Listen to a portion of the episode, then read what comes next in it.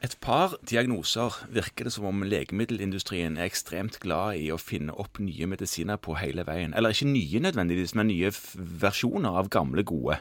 Astma er en av de. Sånn at Ja. det, der mister en helt oversikten. Og så er det trapper, og det er oppgraderinger, nedgraderinger, og kombinasjoner. Hvordan skal vi lage litt sånn orden i det der, der virvaret som jeg føler er i sånne inhalatorer og sånt? Ja, det første der er jo å slutte å høre så mye på forskjellen på de ulike inhalatorene, men å forholde seg til hva gruppen av medisiner gjør. Ja. For da blir livet i utgangspunktet litt grann enklere.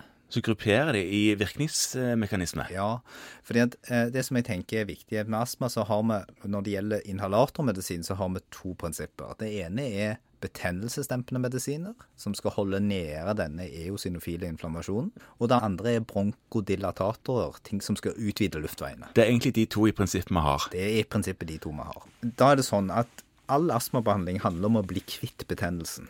Ja. Uten å bli kvitt betennelsen, så er alt annet meningsløst. Du må, fokuset ditt må først være på det.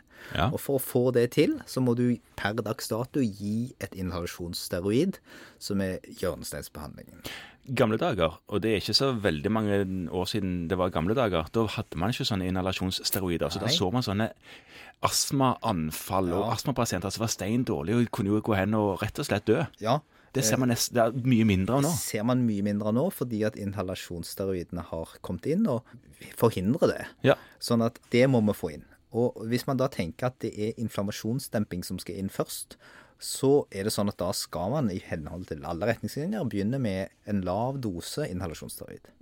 Og inhalasjonsteroider har en ganske bratt sånn doseresponskurve, og som flater den ut. Sånn at de aller, aller fleste kan håndteres på en lav til moderat dose inhalasjonsteroid. Og det er ikke så mye å hente egentlig på å gå opp så mye heller. Lite. Ikke sant? Eh, Du får mye bivirkninger, lite ekstra effekt. Ja.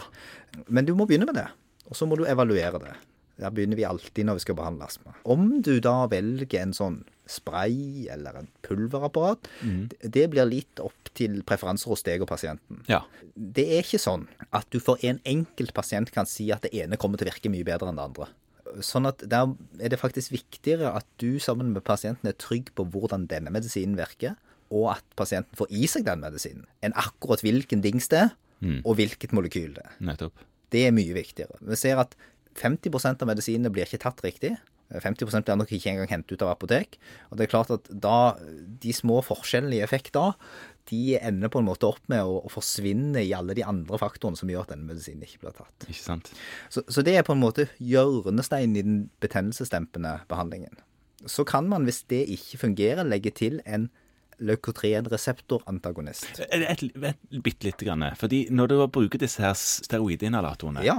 må du vente litt på effekt. Fordi når vi tar sånn reversibilitetstester, da tar de jo ikke steroider, sant? da tar de hurtigvirkende et Nå eller annet tar de annet. hurtigvirkende beta-2-agonister. ja, Nettopp. og- Men når de bruker steroidinhalatorer, Ja. hvor lenge må de vente før du kan liksom tenke at det er noe effekt å se? Nei, altså, u- klinisk effekt ser man gjerne etter én til to uker. Ja. Eh, Skikkelig god effekt må du gjerne kanskje vente seks-åtte uker før du ser. Ja, så... så- du kan måle det skikkelig. Og det er jo fordi at du har en svær betennelse her som du skal behandle ned. Det er akkurat som hvis du begynner å smøre kortison på eksemet ditt, så blir det ikke borte til dagen etterpå. Nei. Det klør kanskje litt mindre, og så blir det gradvis borte. Så drøy den bitte litt før du tar inn til kontroll. Å ja, seks til åtte uker. Hvis vi da går tilbake igjen til hva du gjør eventuelt i tillegg, så er det da leukorin-reseptorantagonisten, eller Montelukast, som er den eneste som er på markedet. Den virker også betennelsesdempende. Det er en tablett. Og den har den fordelen at den er på en måte en tablett som man bare tar en gang daglig. Den funker veldig godt hvis du har allergi i tillegg. Ulempen med den er at for å få den på blå resept, så må du ta inhalasjonssteroider samtidig.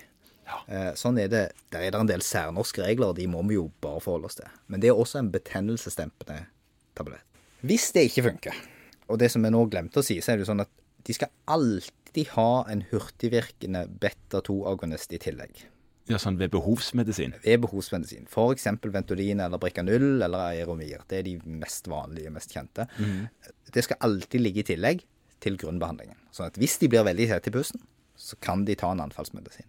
Hvis du tar de tilbake til kontroll, og finner ut at de ikke har astmakontroll, så skal du jo trappe opp behandlingen. Og da er det neste steget, det er da en moderat dose inhalasjonsteroid pluss en langtidsvirkende beta-2-agonist. Ja. Og så kan man lure på, er det bare for å holde luftveien ute hele tiden? Og det er det litt.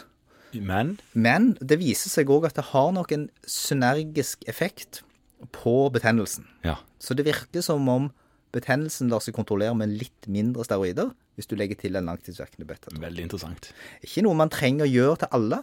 Altså 60-70 klarer seg kanskje på inhalasjonssteroider alene, men til de som ikke gjør det, så er det absolutt interessant å legge til en langtidsvirkende beta-2-agonist. Og de pasientene de skal også ha en anfallsmedisin i tillegg. Og nå begynner det å bli vanskelig, fordi at noen av disse langtidsvirkende virker også fort. Ja. Så der kan man da bruke grunnbehandlingen som anfallsbehandling. Ja. Og det er en fordel for de som kan det, for da slipper man unna med én device. Men det er ikke sånn at det passer for alle. Og det som er kjempeviktig hvis man velger et sånt system der man på en måte går for å gi både fast og ved behov med den samme inhalatoren, som da er et sånt kombinasjonspreparat med et inhalasjonssteroid og en langtidsvirkende beta-2, så er det veldig viktig at de ikke slutter å grunnbehandle seg. ja, for det kan skje. Ja, Det kan lett bli oppfatta som at dette tar du bare når du føler du trenger det. Ikke sant? Og det funker steroider dårlig på. Ja, det funker det kjempedårlig på. Og det er klart det er bedre enn at de ikke tar noen ting. Ja, Men det kunne vært så langt bedre hvis de tok det fast. Ja, sånn at sørg for at de forstår at du skal ta det fast én eller to ganger daglig, og ved behov. Ja. Og da ser vi at det har en effekt. Hvis det ikke er nok, så kan man velge å øke dosen på alle disse individuelle komponentene. Eller så må man henvise det til spesialist. Spesialistene har en del sånn tilleggsmedisiner. De har da anti-IGE-behandling, som er en sånn sprøytebehandling. Og så har de fått noen helt nye biologiske legemidler. Der er det mye fancy steindyrt noe. Veldig mye fancy steindyrt. Det som er å si om det, som er litt viktig i denne sammenhengen, er at de pasientene som kan henvises til det, er de pasientene som har høye eosinofile i blodet.